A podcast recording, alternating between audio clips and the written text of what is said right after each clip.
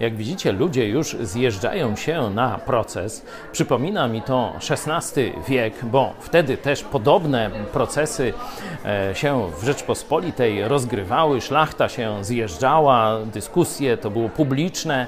E, coś takiego dzieje się teraz w Lublinie. Wtedy, co prawda, żadnego pastora nie skazywano za poglądy, czy nie oskarżano o poglądy i sposób ich wypowiadania, a teraz do tego w Lublinie doszło.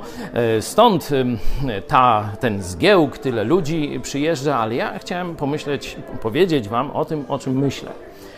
Myślę sobie, że ten proces to jest dziedzictwo, które zostawiam już nie dzieciom, bo dzieci to w tym uczestniczą, ale dziedzictwo, które zostawiam pokoleniu wnuków. W latach 80.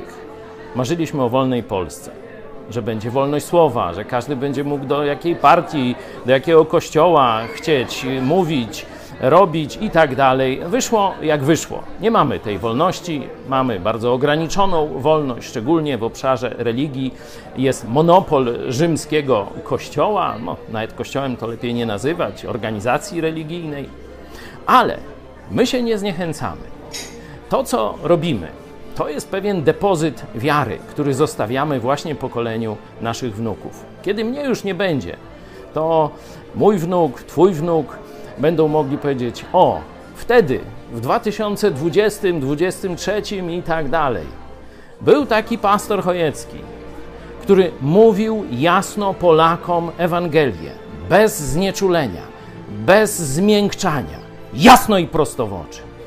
To wielu zabolało. Ale zobaczcie, dzięki temu mamy dzisiaj owoc wolnej Polski. Mnie już wtedy nie będzie, ale chciałbym mieć takie dziedzictwo. O to się modlę.